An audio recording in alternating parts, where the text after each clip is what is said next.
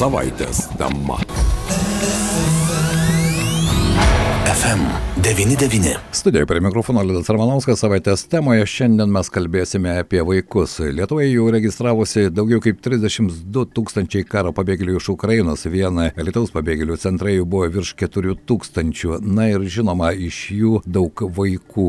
Beveik 14 tūkstančių į Lietuvą atvykusių pabėgėlių yra nepilnamečiai, beveik 4 tūkstančiai jaunesni nei 6 metų. Ir žinoma, jiems reikia gyventi, jiems reikia mokytis, jiems reikia eiti į mokyklas ir darželius. Apie tai, kokia situacija su Ukrainos pabėgėliais Lietuvos švietimo įstaigose. Mes kalbame su Lietuvos miesto švietimo ir sporto skyriaus vedėjo pavaduotoja Rimida Lišauskinė. Labadiena, gerbima Rimida. Labadiena. Ačiū Jums, kad suradote laiko. Suprantu, kad dienos yra įtemptos ir Jūs tikrai turite tą informaciją, kiek Ukrainos pabėgėlių vaikų apsistoja Alituje, jau turi galimybę lankyti tiek prieš mokyklinio ūkdymo, na ir tiek mokyklas. Kokia situacija? Taip. Ta situacija kiekvieną dieną keičiasi, bet šios kovo 25 dienos duomenimis, tai Alitaus miesto savivaldybės švietimo įstaigose jau yra ugdomi 111 ukrainiečių vaikų. Iš 111 26 vaikai yra iki mokyklinio ugdymo įstaigose, na ir kiti yra bendrojo ugdymo mokyklose. 111 tai netaip jau mažai. Vietų užteko visiems? Na, vietų visiems ieškome tų vietų. Aišku, lapšeliuose, darželiuose pagal hygienos normas grupėje vaikų skaičius turėtų būti mažesnis, bet esant tokiai situacijai, tai yra leista priimti Aišku. daugiau Ir, ir vaikai susispaudžia, ar ne?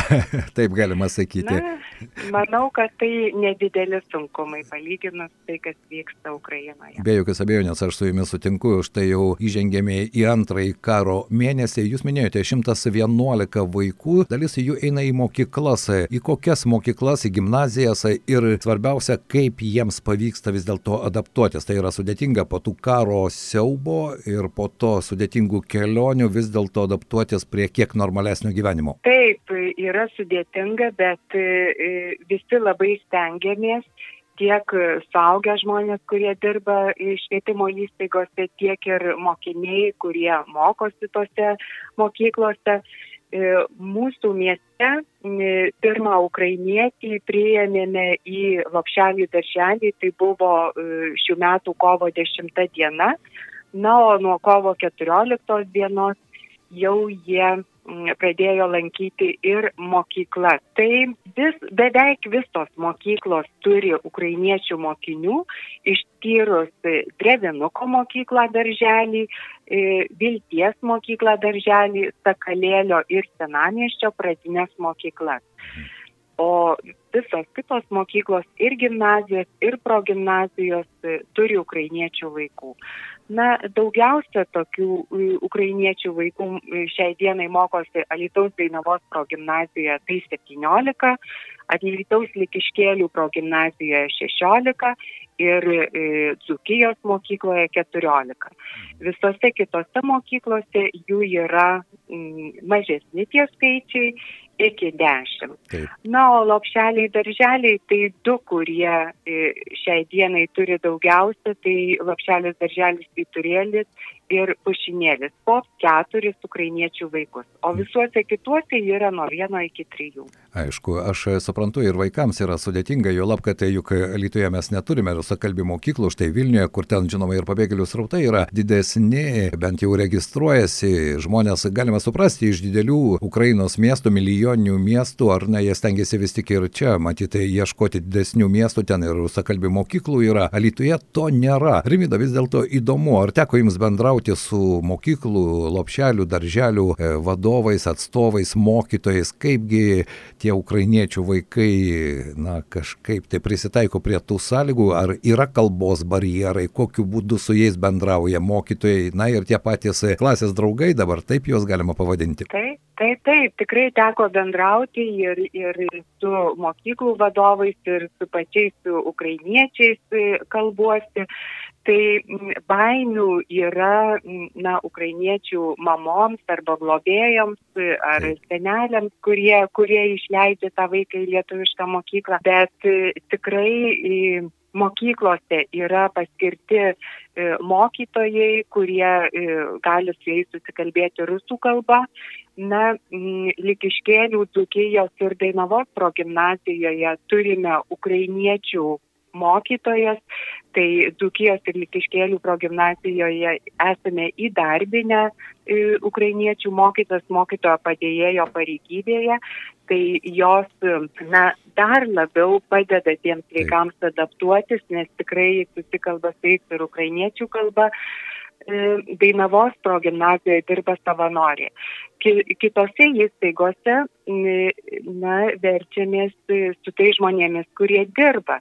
Tai taip bendrauja rusų kalba, na, anglų kalba progymnazijose ukrainiečių vaikai e, to amžiaus nes mes juos integruojame į bendramžių klases, Taip. tai sakė truputį susi, e, sudėtingiau, sunkiau jiem kalbėti anglų kalbą bendrauti, bet vaikai tikrai randa būdų ir jie, ir jie bendrauja, na, o, o, o taip tai rusų kalba padeda. Aišku. Tai yra paskirtos kelios valandos lietuvių kalbai mokytis. Na ir kaip tai... ukrainiečių vaikai e, vis dėlto nori mokytis lietuvių kalbos, nes be jokios abejonės štai teko kalbėti kalbėti ir man su ukrainiečiais, kurie kaip pabėgėliai jau atvyko į Lietuvą ir nemažai jų, ypatingai pavyzdžiui Vilniuje, tai ten labai greitai užsipildė suaugusiems skirti kursai, kuriuose dirba universiteto studentai. Tokiu būdu, sako, mes norime irgi išmokti, nes nežinome, kiek laiko mes čia praleisime ir norime kažkaip į tą visuomenę įsilieti ir gana uoliai puolę mokytis lietuvių kalbos. Taip, nori, mokosi ir, ir dabar va, ta pirma savaitė, tai tikrai jie labai aišku, dar yra atsargus, jiems viskas nauja, tai Taip. jie tokie mažiau gal ir judrus negu įprastai bu, bus vaikai ir manome, kad ateityje jie, na, psichologiškai atsigaus ir, ir tikrai ir, bus kaip ir lietuvaičiai vaikai. Na, mes tikrai bendraujame su švietimo mokslo ir sporto ministerija, būna vaizdo susitikimai ir kalbamės, kaip, kaip tą situaciją valdyti kuo geriau.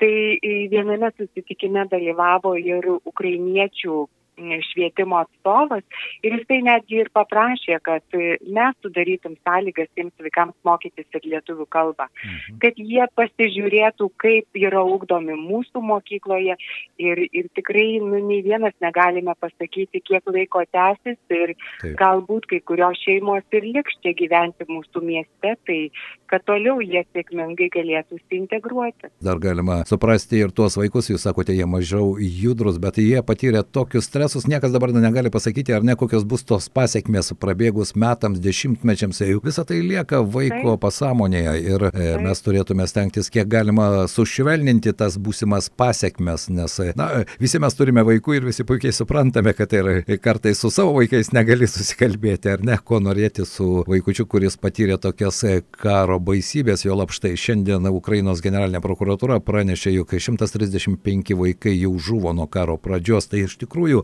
Na, kraupus skaičiai, kalbant apie karo baisumus. Ir vida, vis dėlto, kalbant apie tam tikras tendencijas, štai ir pabėgėlių centro vadovas sako, tos tendencijos sunkiai prognozuojamas, bet e, galime stebėti, kad tos pabėgėlių srautai gali dar padidėti ir kiek Alitaus miestas švietimo sistema dar pajėgi priimti vaikų. Dabar yra 111, kaip jūs minėjote, bet vis tik ir mokyklos, ir darželiai, lopšeliai neguminiai. E, taip, taip, neguminiai guminiai, na, bet mes dar turime tokią situaciją, kad iki maksimalaus mokinių skaičiaus, aš čia kalbu apie bendrojo ūkdymo mokyklas. Taip iki maksimalaus skaičiaus dar mūsų klasės ne, ne visos užpildytos. Tai, tai jeigu žiūrint tik tai į klasės komplektą ir pilną jo užpildymą, tai, tai taip, mes tų vietų dar turime ir galės, galėtume priimti, tik tai aišku, kita, kita yra pusė apgyvendinimo vietos. Taip, čia mes kalbėjome ir su nekilnojamo turto agentūrom, kad vietų apgyvendinimui Lietuvoje nėra,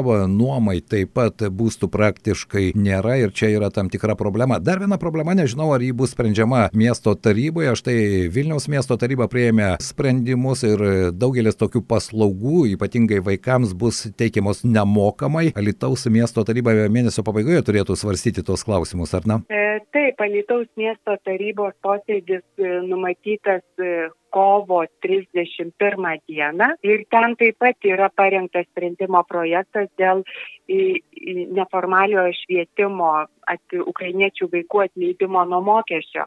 Tai mes čia kalbame ir apie iki mokyklinį ūkdymą, ir neformaliojo švietimo įstaigas, pailgintos dienos grupę, grupę.